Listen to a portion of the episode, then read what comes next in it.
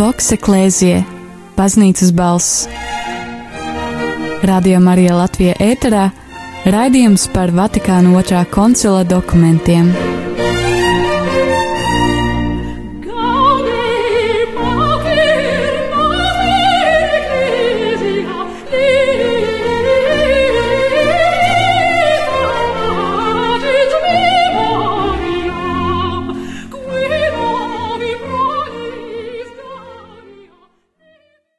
Slavēts Jēzus Kristus, radio Marija Latvija klausītāji.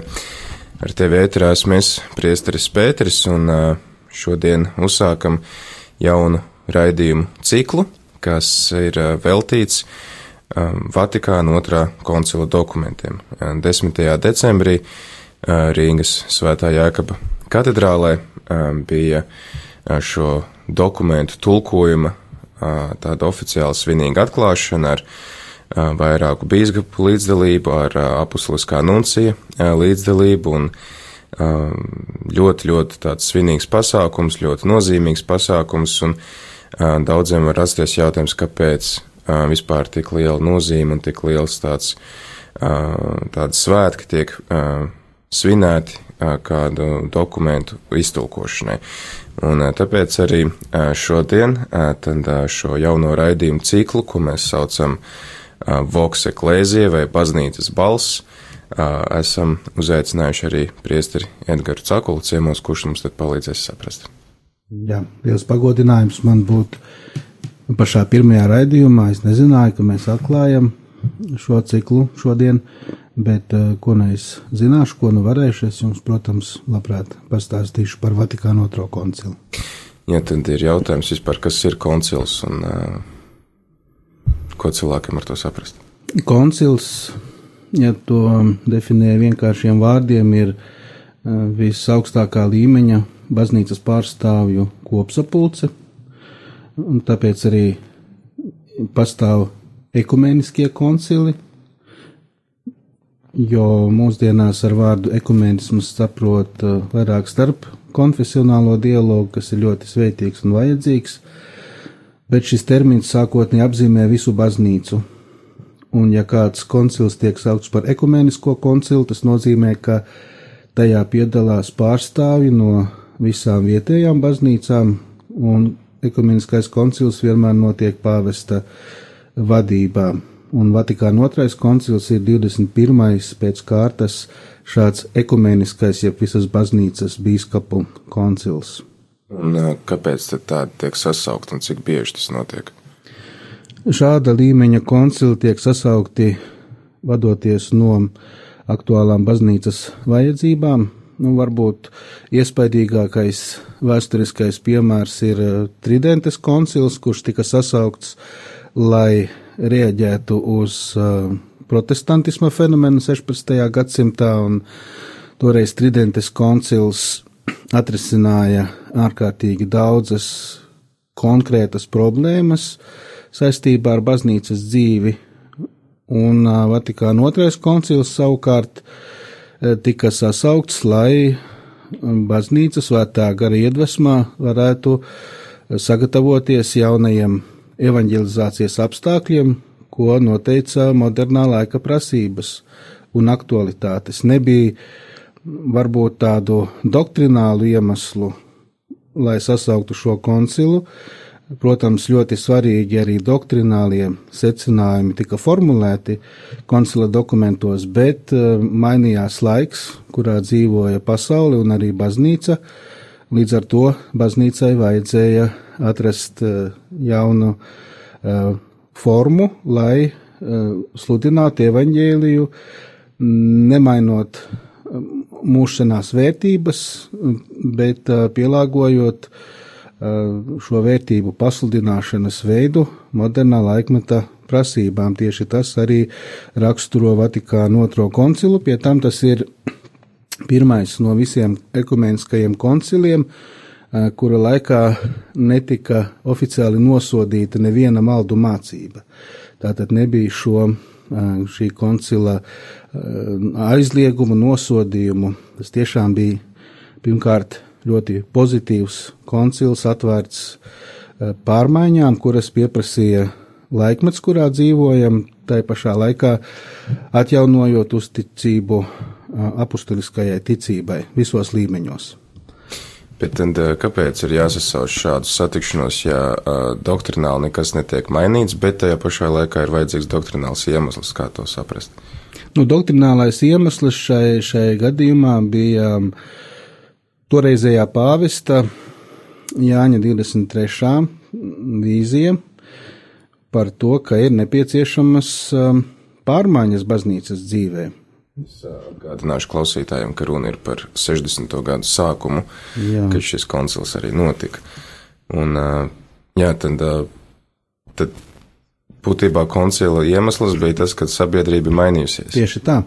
Un tāpēc arī koncila sasaukšana bija ārkārtējs pārsteigums visiem, gan baznīcā, gan pasaulē, jo, kā tu priesteri Pēteri teici, baznīcas eh, doktrīna bija ārkārtīgi labi pārdomāta, sakārtota, nebija nekādu nopietnu teoloģisku diskusiju, visi dzīvoja tādā svētā mierā. Bet um, pāvests Jānis 23. viņš uh, redzēja un saprata, ka uh, ir nepieciešams kaut ko būtiski mainīt baznīcas dzīvē, lai padarītu evaņģēlie vēsti maksimāli iedarbīgu. Paldies tad, par to, kas bija jāmaina un par to, kāda tad ir tā jaunā situācija, kurā baznīca un visa sabiedrība ir nonākusi. Par to mums ir jārunā pēc dziesmas, bet tagad dodamies nelielā atpūtā.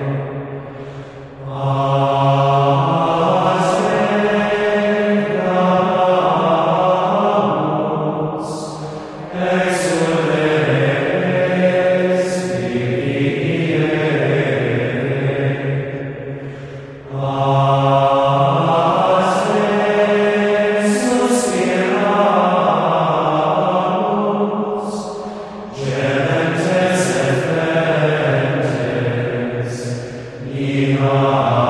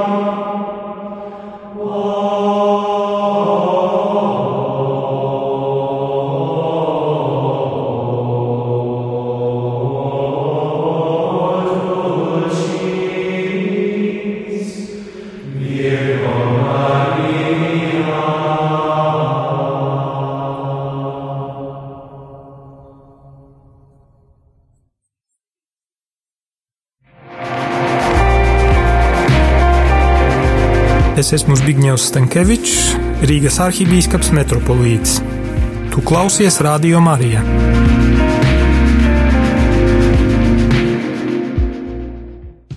Tu klausies Radio Marija ar tevi ēterās mēs priesteris Pēteris un arī priesteris Edgars. Un ir uh, pirmā raidījuma uh, ēters šodien, uh, pirmā voksa klēzija vai paznīcas balss raidījuma uh, ēters, kurā mēs runājam par Vatikāna otrā koncila dokumentiem, un šodien tad pirmajā raidījumā mēģinam saprast, kas tas vispār tāds Vatikāna otrais koncils ir, un priesteris Edgars tad arī mums palīdzēja saprast, ka tā ir tāda reta parādība baznīcā, bet nu, arī nepilnīgi, arī mazpazīstama un jauna, jo ik pa laikam baznīcas pārstāvji sapulcējās, lai pārunātu kādus svarīgākos jautājumus baznīcas dzīvē, un šis konkrēti Vatikāna otrais koncils tad pārunāja to, kā baznīcai reaģēt uz mūsdienu situāciju. Jautājums tad ir, kad vispār šis koncils notiek? Koncils vispirms jebkuram ekumeniskajam koncilam ir nepieciešams ierosinājums, proti koncila sasaukšana, un uh, ekumenisko koncilu, kurš eh, tiktu sasaukts Vatikānā, eh, pasludināja eh, pāvests Jānis 23.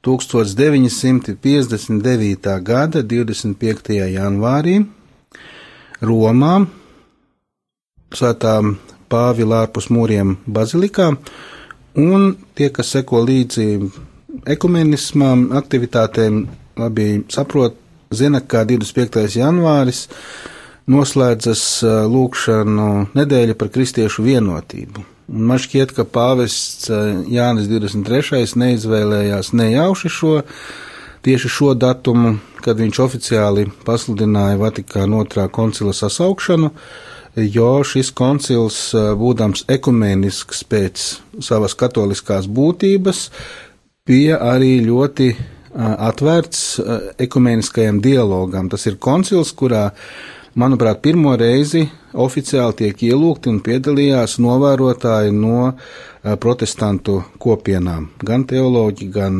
garīdznieki, gan lai. Jā, un tad jautājums, mēs iepriekš runājam par to, ka pāvests Jānis 23. sasauca šo koncilu, jo ir mainījusies sabiedrības situācija un ir jāmaina arī baznīcas atbildi uz to, kur atrodas, kādā situācijā atrodas pasaule. Tad kas bija tas, kas ir mainījies pasaulē un kas tad ir šī jaunā atbilde? Jā, nu, pirmkārt, baznīcai nav jāmainās tādā nozīmē, ka baznīcai būtu jāpielāgojas pasaulē.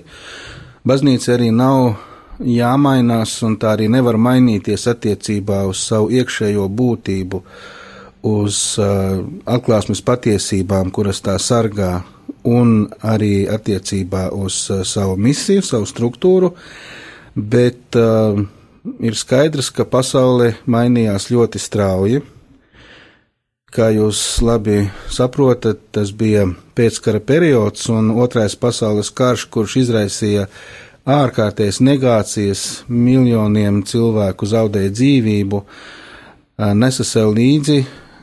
Pirmkārt tehnoloģisko progresu, ārkārtīgi attīstījās tehnoloģijas pēc otrā pasaules kara, mainījās sabiedrības iekšējā struktūra, cilvēki kļuva vairāk neatkarīgi domājoši, tas ir gan ieguvums, gan arī zaudējums cilvēcei. Un um, tas veistījums, kuru baznīca bija nesusi cauri dažādiem laikmetiem, um, bija nepieciešams šo vēstījumu, nemainīgo vēstījumu pasludināt mūsdienu cilvēkiem, mūsdienu cilvēku valodā.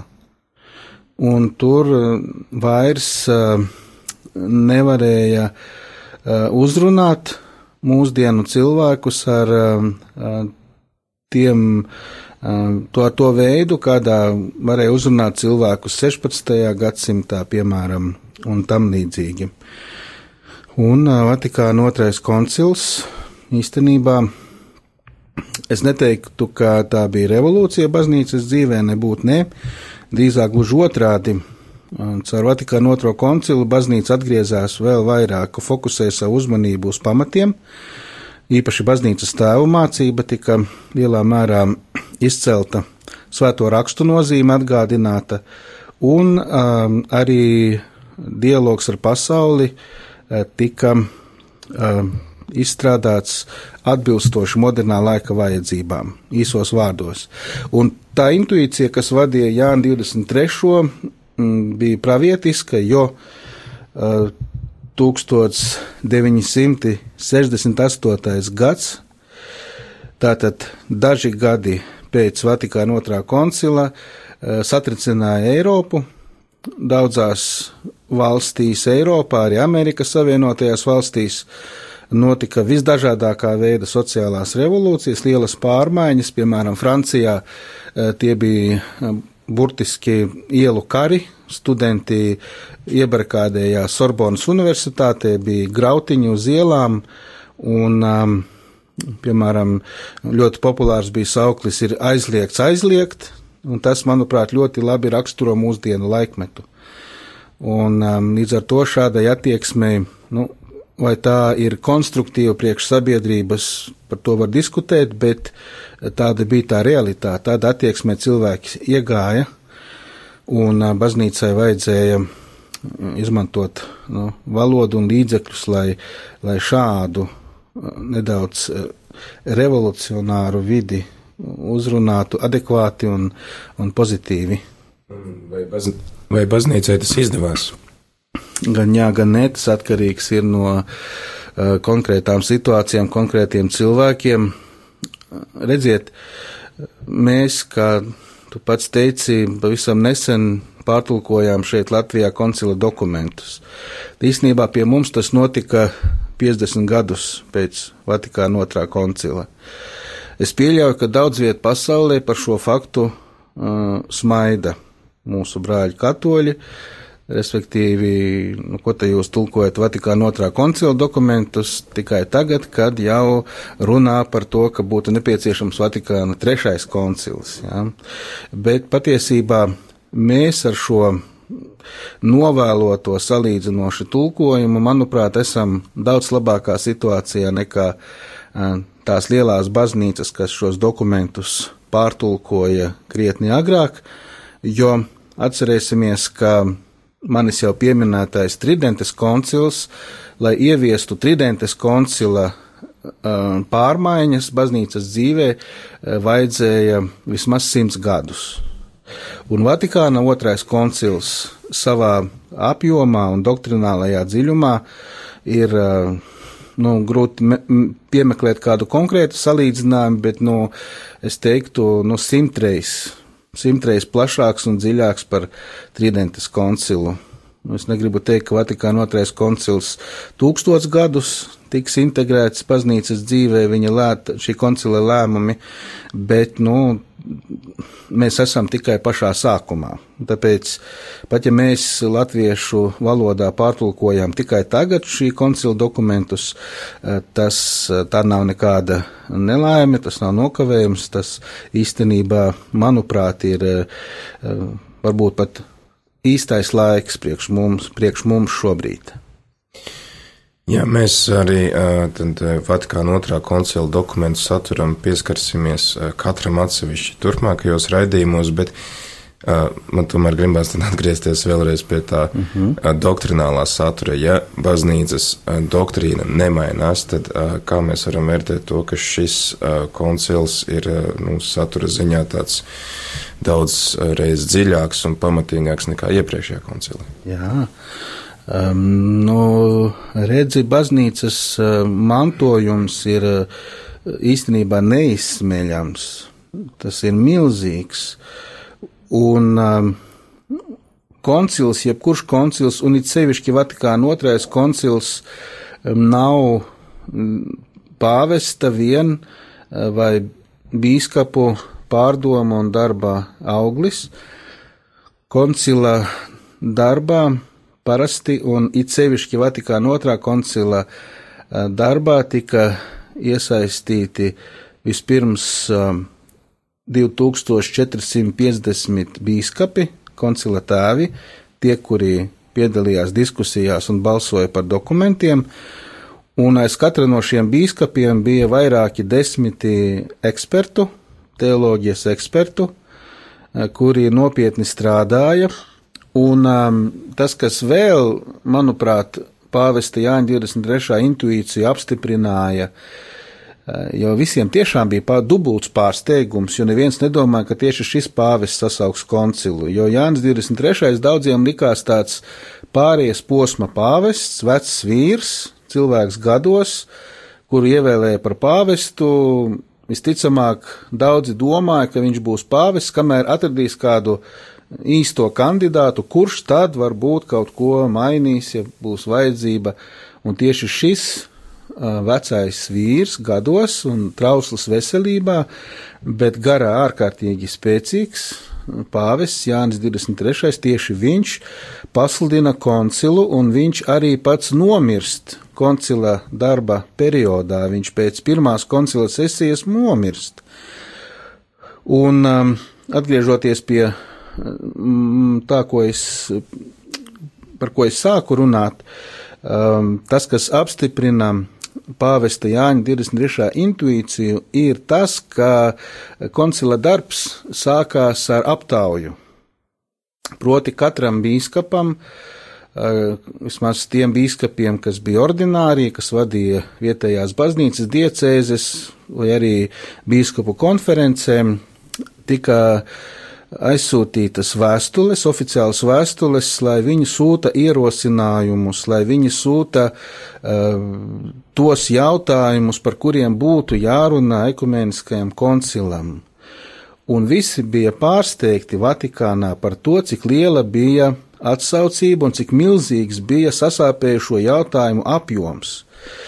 Ar tām tiem bīskapu ierosinājumiem un tēmām, kuras tika atsūtītas, um, īstenībā no tā visa sanāca vairāki biezi sējumi, kad to visu salika kopā. Un tas uzreiz visiem uh, lika saprast, ka um, būs nopietnas darbs. Divus gadus laikam prasīja. Tieši tā. Divu gadu laikā tika apkopota šī informācija, un jau tur strādāja ļoti nopietni teologu komisijas, eh, kuras eh, izvērtēja priekšlikumus, apvienoja tematiski eh, ierosinājumus un jau gatavoja aizmetņus koncila dokumentiem. Jau tajā laikā, divus gadus pirms nekā koncils sāka savu darbu. Un starp citu koncila laikā ne tikai salūza vairākas um, kopēšanas iekārtas, bet viens priesteris, eksperts, jezītu tēvs, viņš nomira no pārstrādāšanās. Tā ka var iedomāties kādu, kādu darbu, cik milzīgas pūles un cik daudzu cilvēku, teologu uh, ieguldījumu prasīja Vatikāna otrais koncils, un tāpēc arī ir tāds dziļums un tik tāds apjoms, ka tiešām visa baznīca tika iesaistīta un bija ārkārtīgs entuziasms. Ja palasa tā laika grāmatas par koncilu, cilvēku liecības, piemēram, viens, um, man šķiet, anglikāņu teologs, eksperts, kurš tika pieaicināts kā neatkarīgs novērotājs, viņš pēc uh, koncila uh, puspa jokam teica saviem uh, draugiem vai kolēģiem, Vatikāna otrajā koncilā es zaudēju divas lietas, viņš saka latīņu valodu, jo es klausījos, kā runā amerikāņu bīskapi, un ticību svētajam garam, jo es svēto garu redzēju darbībā, es svēto garu sajūtu. Nu, tāds caur joku reizēm var izteikt tādu dziļu patiesību, un nu, šī, šī frāze, nedaudz komiskā frāze, protams, var likt saprast kas bija, kāds bija Vatikāna otrais koncils. Visi bija aizgrābti, visa baznīca. Visi gaidīja, jo tas arī bija laiks, kad eh, mēdī attīstījās ārkārtīgi strauji. Piemēram, Jānis 23. viņš būtībā nomira visas pasaules, nu vismaz brīvās tās augtās pasaules acu priekšā viņa slimības gultu filmē tiešraidē. Un uh, arī koncila darbs tika dokumentēts um, žurnālisti daudz strādāja. Nu, tā nebija tāda bīskapu sanāksme, kas sabrauc Romā, Vatikānā, kaut ko spriež, nav zināms, par ko viņi runā, un tad izdot pāris dokumentus. Nē, visa baznīca bija iesaistīta. Es, es tiešām zināmā mērā apskaužu tā laika cilvēkus. Jā. Jā, mums ir eh, droši vien daudz eh, par ko apskaust tā laika cilvēkus, ir arī daudz lietas, par kurām mēs varam priecāties, ka neesam pieredzējuši. Pavisam īsts jautājums, pirms mēs ejam atpūtā, lai mums nebūtu jānomirst runājot par Vatikānu otrā koncilu un jāpārpūlēs, kāpēc to sauc par otro Vatikānu koncilu? Tāpēc, ka bija pirmais, pirms Vatikāna otrā koncila bija pirmais Vatikāna koncils, kurš tika pārtraukts priekšlaicīgi un šis koncils tika pārtraukts 1870. gada 20. septembrī, jo Itāļu atbrīvošanas karaspēks patrieca no Romas franču karaspēku, kurš aiz, aizsargāja pāvesta. Toreiz bija tāda ļoti sarežģīta, dīvaina pat vēsturiskā situācija, var sakot, kara darbības dēļ. Vatikāna pirmais koncils tika pārtraukts, bet Vatikāna pirmais koncils paspēja pieņemt divus ļoti nozīmīgus uh, koncila lēmumus, jeb uh, deklarācijas, proti viens, ka saistās ar ticības un prāta attiecībām, proti ticība un prāts nevar pretoties viens otram, jo abi nāk no viena avota, no dieva, un Vatikāna pirmais koncils arī dogmātiski apstiprināja pāvesta primātu to, ka pāvestam konkrētās situācijās ir neapstrīdama doktrinālā taisnība. Bet šis koncils um, bija ļoti, ļoti īss un tika vardarbīgi pārtraukts. Līdz tam koncili Romā notika um, Laterānā, un tāpēc ir vismaz līdz šim brīdim ir vairāk Laterāna koncilu, kas ir notikuši Romā, nekā Vatikāna koncilu. Laterāns, Laterāns ir viens no pakalniem, uz kur atrodas viena no baznīcām. Tieši tāpat kā baznīcām. Vatikāns un tur Jāņa Kristītāja godam, ja nemaldos. Jā, tad, tagad klausamies dziesmu, pēc dziesmas turpinam runāt par Vatikānu otro koncilu, un tad arī pieskarsimies īsi šiem dokumentiem, kāpēc mums viņus vispār vajadzētu lasīt un ko viņi saka mums, varbūt tādiem ikdienas klausītājiem, ikdienas cilvēkiem, kuri neplāno būt lieli teologi.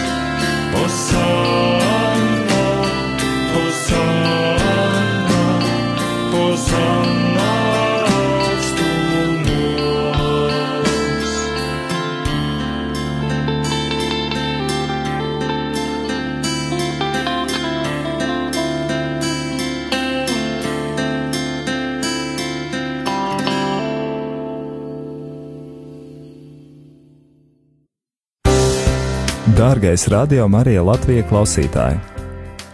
Radio Marija ir nekomerciāla radiostacija, kas pastāv tikai pateicoties klausītāju brīvprātīgiem ziedojumiem.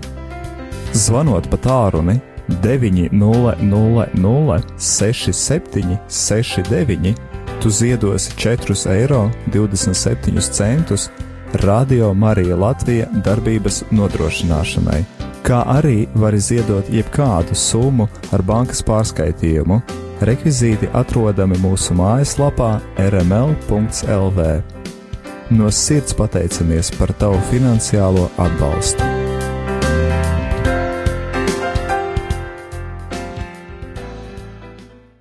Paldies visiem, kas uh, uztur radio Mariju, kas uh, ļauj šim raidījumam uh, ne šim raidījumam, bet šim rādio skanēt un arī šim raidījumam skanēt ēterā.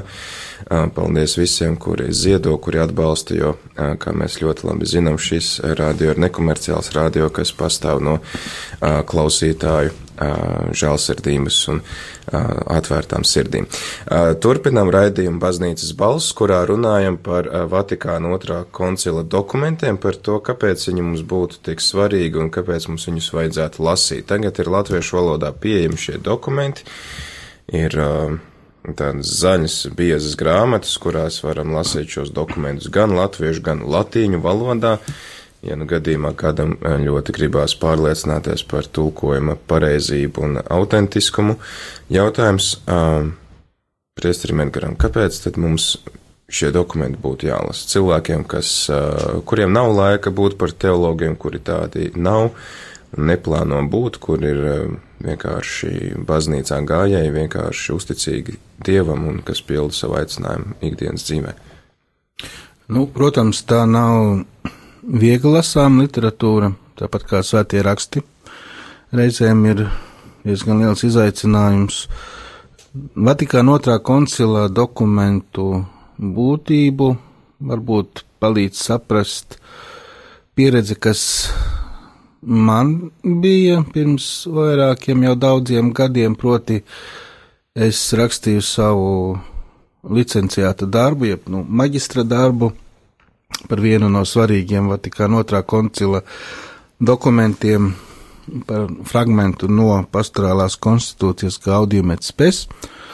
Un mans darba vadītājs, kad mēs bijām jau izvēlējušies tēmu, viņš man aizveda uz bibliotēku, kuru viņš pats pārvaldīja, atri, atripināja vairākus arhīva plauktus, speciālos bibliotēkas plauktus, un parādīja man četrus, varbūt, skapjus, kas bija pilni ar biezām, biezām grāmatām latīņu valodā, kur bija um, visi koncila, koncilā izskanējušie, um, izskanējušās diskusijas, um, gala dokumentu darba varianti, um, tātad bīskapu priekšlikumi, teoloģisko komisiju labojumi, un kad es skatījos uz tiem plauktiem un biezajiem sējumiem, es sapratu, ka Vatikāna otrā koncila dokumenti, šī grāmata būtībā ir tāda uh,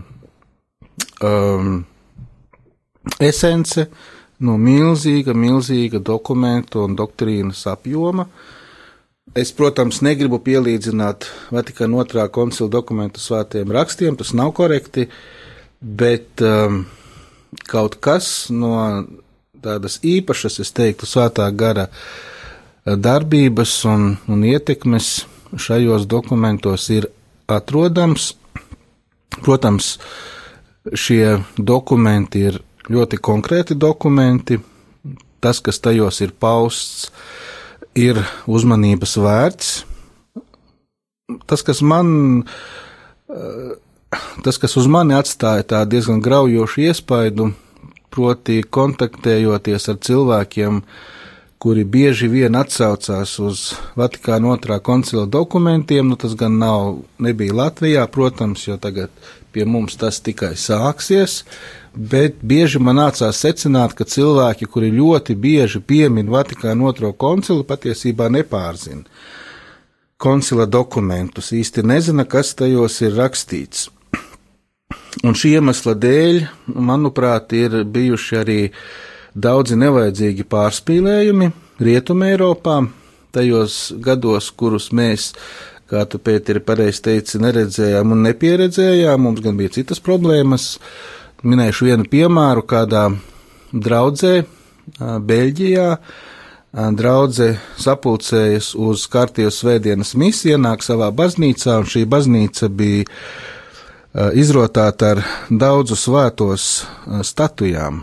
Tāda īpaša baznīca, kur pie katra altāra bija vairākas svētos statujas, un izrādās, ka prāvests visas šīs statujas ir izvācis un apracis baznīcas dārzā. Cilvēki ienāk, ir šokā, pauž savu sašutumu, un prāvesta kungs saka, to pieprasa Vatikāna otrais koncils. Un šādu dīvainu piemēru bija ļoti daudz rietumu pasaulē, kad um, lielā mērā nekompetenti tika veiktas atsauces uz Vatikānu otro, otro koncilu, lai īstenot kaut kādas pilnīgi neprātīgas uh, pārveides dievnamos, liturģijā, un uh, ļoti daudz bija slikti izmantotu Vatikāna otrā koncila interpretāciju Kāds ļoti interesants stāsts, ko es esmu dzirdējis par to, kā Vatikāna otrais koncils ienāca padomju savienībā. Ka, es nezinu, cik tas ir patiesi, bet Vat Vatikāna otrā koncila dokumenti, protams, nedrīkstēja tikt publicēti šeit. Es dzels priekškaru, bet pats dzels priekškars esot publicējis izvilkumus no dokumentiem, lai tā kā paņergātos par tiem un priesteri tad esot un teologi lasējuši šos rakstus. būtībā pati, pati padomju savienība saprotamā valodā bija nopublicējusi, pat iztulkojusi Jā. dokumentus, kurus tā centās īstenībā izskaust un neieviest šeit. Jā, tieši tā. Es, es piemēram, personīgi ar svētiem rakstiem saskāros, lasot ateistisko literatūru padomju laikā, jo viņi citēja svētos rakstus, fragmentus, pa savām tos analizēja un, protams, centās diskreditēt. Uh, bet tas bija mans pirmais kontakts. Un, uh, es domāju, tev taisnība ļoti daudzi šeit pie mums ar Vatikāna otrā koncila dokumentiem iepazinās tādā veidā, kādā tu to aprakstīji. Kas liekas, nu, tā smieklīgi, ka tas ļaunums cenšas to visu tā izskaust, īsumā pats, pats piedāvāt. Veicina, jā, jā, tieši tā. Nu, Dievs ir stiprāks par jebkuru ļaunumu. Man šķiet, ka svarīgi ir saprast to, ka šie dokumenti Eh, dokumentu kopums, kopā ir 16 dokumenti, Vatikāna otrā koncila dokumenti. Eh, tos var pielīdzināt, teiksim, jebkuras valsts konstitūcijai, kas ir pamatdokuments. Un no šī pamatdokumenta tiek atvasināti tiesību, atvasinātas tiesību normas un, un citi sabiedrības eh, principi.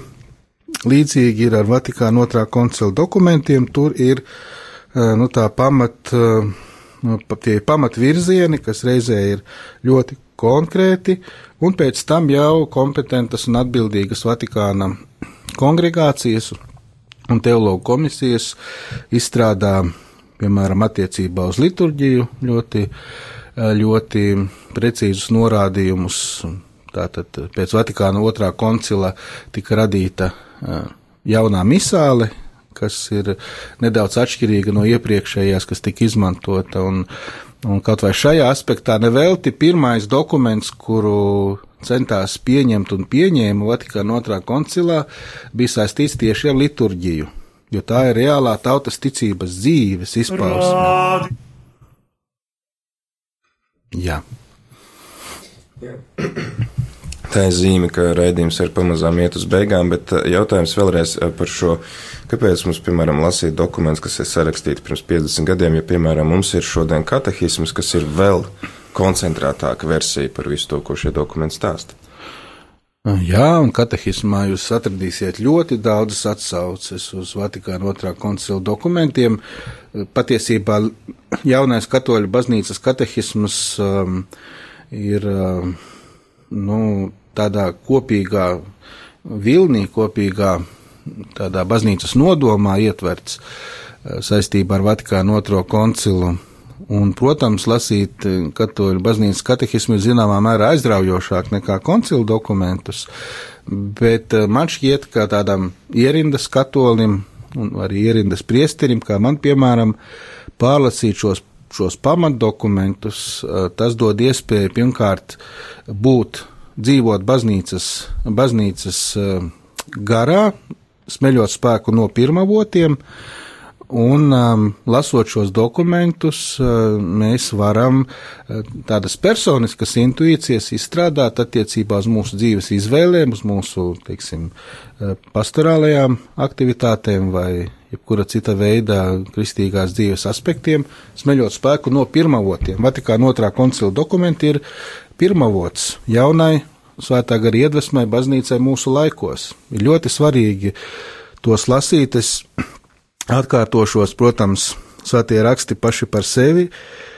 ir eh, svarīgi, un uh, neviena koncila dokuments nevarētu salīdzināt ar svētiem rakstiem, bet uh, mana personiskā pieredze izlasīt kādu fragmentu no Vatikāna otrā koncila dokumentiem ir zināmā mērā līdzvērtīgs svēto rakstu meditācijai. Tas dod tiešām labas iedvesmas, manuprāt. Tā ir mana pieredze. Jā, protams, šī mācība arī ir uh, balstīta svētajos rakstos. Protams, Jā, tur ir ļoti izteikti atsaucas. Un, uh, mums ir arī joprojām, nu, man ir tāds dažreiz iekšēji tāda, um, nu, ne pretruna, bet uh, kā lai tiek tam visam līdzi, jo liekas, baznīcā ir tik liels temps, uh, līdzīgi kā visā sabiedrībā, jo mēs uh, redzam, ir ir uh, visu laiku kādi jauni dokumenti, jauni uh, kādi pāvesti izteicieni, kurus mums būtu vērts ņemt vērā, kurus vajadzētu uh, pārlasīt, kuros vajadzētu iedziļināties, un tad vēl ir šie te, uh, nu, pirmavoti un tie pamati. Uh, piemēram, arī tagad rādījumā arī mēs uh, lasam rīta katehēzēs uh, šo pāvesta apustulisko pamudinājumu par ģimeni un laulību, mīlestības prieks, tad kā lai to visu paspēj? Jo ir tik, tik, tik intensīvi, tik aktīvi. Katras trešdienas audiences, ko pāvests saka, un, un vēl kāda kongregācija, kas izsaka kādu komentāru par kaut ko. Un tieši tā, un tāpēc arī ir skaidrs, ka visam laika nepietiek, un ir, ir prioritātes. Piemēram, arī pāvesta vārdi teikti lidmašīnā žurnālistiem nebūs tik tik doktrināli nozīmīgi, kā, piemēram, pāvesta apstiprināts koncila dokuments. Ir katrai dzīves situācijai jāatrod iedvesmas avots, kas ir visvairāk piemērots, un, ja mēs, teiksim, esam varbūt kādreiz nu, noguruši un gribam nelielu atslodzi, var palasīt, ir piemēram tāda grāmata par tā paša pāvesta Jāņa 23. dzīvi, kur ir apkopoti viņa komiskie izteicieni. Piemēram, viņam prasīja žurnālists, cik cilvēku strādā Vatikānā. Viņš ar smaidu atbildēja, apmēram puse no Vatikāna strādājošajiem strādāja. Arī pāvesta vārdi. Var šādu grāmatu lasīt, bet, ja mums ir noskaņa, mums ir iespēja, mums ir laiks kaut ko dziļāku, tur, kur svētais gars tiešām ir ārkārtīgi dziļi uzrunājis bīskapus un tā skaitā pāvestu, tad mums ir jāpārlasa Vatikāna otrā koncila dokumenti. Tad mēs pret to varam izturēties kā pret tādu uh, aktuālu svētā gara mācību, ko viņš mums šodien saka. Jā, pat tagad, pēc 50 gadiem, tā joprojām ir ļoti aktuāla svētā gara mācība, kas ir nākusi pie mums caur baznīcas visaugstāko, visaugstāko kopsapulci, bīskapi, kas ir vienoti ar pāvestu, un vēl vesela armija, tiešām tā var teikt, ar ekspertiem, novērotājiem, teoloģiem. Tas ir ārkārtīgi milzīga gan svētā gara darba, gan cilvēciskās piepūles um, rezultāts šie dokumenti. Tie ir ļoti vērtīgi. Jā, bet mēs raidījuma sākumā runājām par to, ka Vatikāna otrais koncils bija kā atbilde tām straujajām pārmaiņām, kādas bija pēc otrā pasaules kara, bija 60. gados. Šodien mēs redzam, ka tas temps tikai pieaug. Vai tas nozīmē, ka koncili būs biežāk, vai tas nozīmē to, ka tagad šīs bīskapu sinodas, kas notiek ik pa trim gadiem, kas arī reaģē uz aktuālām situācijām, tagad šī, šīs pēdējās divas sinodas par, par ģimeni un, un gaidāmā sinoda par jauniešiem, tad tas tagad aizstās koncilus, vai mēs tagad varam gaidīt vēl kādu koncilu, kā, kā tur ir? Šo jautājumu var uzdot pāvestam Franciskam, piemēram, jebkurš pāvests ir brīvs svētā griedusmā sasaukt koncilu, jebkurā brīdī, taču pēc tādas loģikas, ko mēs varam pielietot, vērtējot baznīcas dzīvi, man šķiet, ka līdz Vatikāna trešajam koncilam būs jāgaida vēl ļoti ilgi. Jo pat, ja, protams, ir, ir pārmaiņas un dzīves ritms kļūst ar vien straujāks, bet eh, būtisku pārmaiņu teiksim, tajās ievirzēs, pēc kurām vadoties dzīvo pasaule, eh, šobrīd nav. Ir pieaugušas negācijas, ir pieaugusi varbūt tiekšanās pēc materiālām vērtībām, jau pakļaujot eh, apdraudējumam pasaules ekoloģiju. Nekas jauns nav nācis arsenālā klāt, ir pieauguši tikai tempi, virzieni ir saglabājušies tie paši, Līdz ar to Vatikāna otrais koncils vēl ilgi būs ārkārtīgi aktuāls. Tad eh, varbūt eh, jūsu kāds padoms vai padomi, kā lasīt šos dokumentus, lai arī tas eh, teksts ir, kā jūs arī teicāt, diezgan varbūt tāds sarežģīts, lai tas būtu saprotams un lai no tā tiešām varētu smelties arī kāda iedvesma. Es domāju, ka saprotams ir tas, kas ir interesants. Un šeit ir jāsāk ar, jāsāk ar satura rādītāju, jo katram dokumentam ir savs nosaukums un arī sava tēma.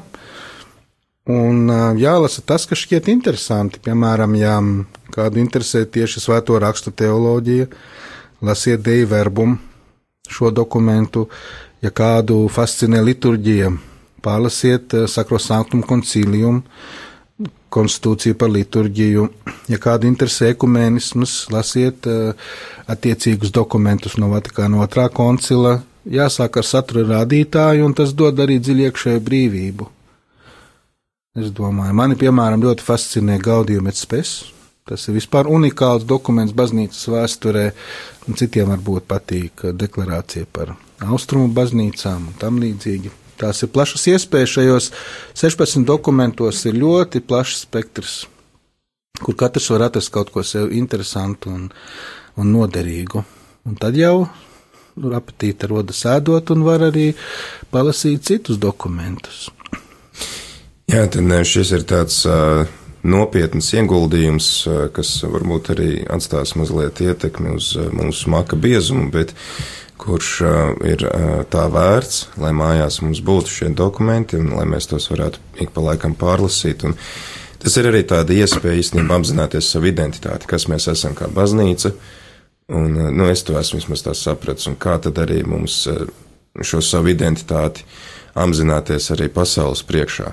Un, uh, tas, man liekas, ir tas vērtīgais, ko es esmu paņēmis, lasot šos dokumentus. Godīgi atzīšos, visus vēl neesmu izlasījis, bet viss, viss vēl ir priekšā. Uh, Bet arī tieši lasot šo gaudījumu spēs, tā, tā mm, nu, radās šī tieši apziņa par to, ka, jā, te mēs esam tādi, kādi mēs esam, baznīca, katrs baznīcas loceklis, katrs, katrs kristītais arī ir daļa no baznīcas.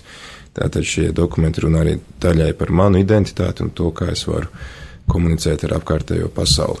Un, ja runā par makabiezumu, tad var ieiet jebkurā grāmatnīcā, labas grāmatas, tā arī maksā. Un šī ir ļoti laba grāmata, un es gribu izteikt savu atzinību tiem cilvēkiem, kas ilgi un smagi strādāja pie šīm dokumentiem, pie tulkojuma tieši pie izdošanas.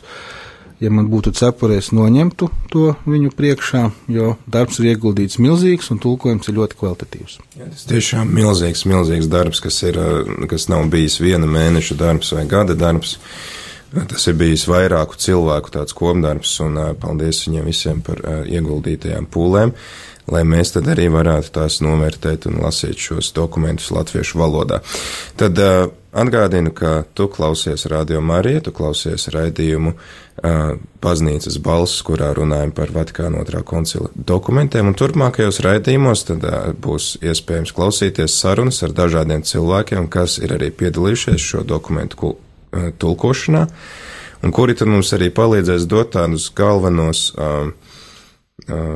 galvenos principus šo dokumentu lasīšanā, tie būs tādi kā ievad, kā priekšvārdi, lai pēc tam mēs varētu arī mājās šķirt šos dokumentus vaļā un lasīt. Ceru, ka jūs atradīsiet iespēju iegādāties šos dokumentus. Ja jūsu draugu grāmatu galdos vēl nav, tad dodieties pie atbildīgajām personām grāmatu galdā un sakiet, ka jums vajag šādu dokumentu. Vai trīsvienības baznīcā var nopirkt? Protams, par labu cenu. par labu cenu var nopirkt. Paldies, Priester Edgar, ka atradāt laiku atnākt pie mums un dot arī šo tādu varbūt kontekstu, vēsturisko kontekstu un arī to, kā saprast un kāpēc lasīt šos dokumentus. Arī šodien, 50 gadus pēc Vatikāna otrā koncila, 50 gadus pēc šo dokumentu uzrakstīšanas, un es ceru, ka tas mums visiem noderēs kā tāds labs pamudinājums iepazīt baznīcu un arī iepazīt pašiem sevi. Lai tad arī mums visiem izdodas lasīt šos dokumentus, iepazīt baznīcu, un tiekamies jau pēc divām nedēļām nākamajā raidījumā Baznīcas balss. Voks eklēzie, Baznīcas balss. Radio Marija Latvija ēterā raidījums par Vatikāna otrā koncila dokumentiem.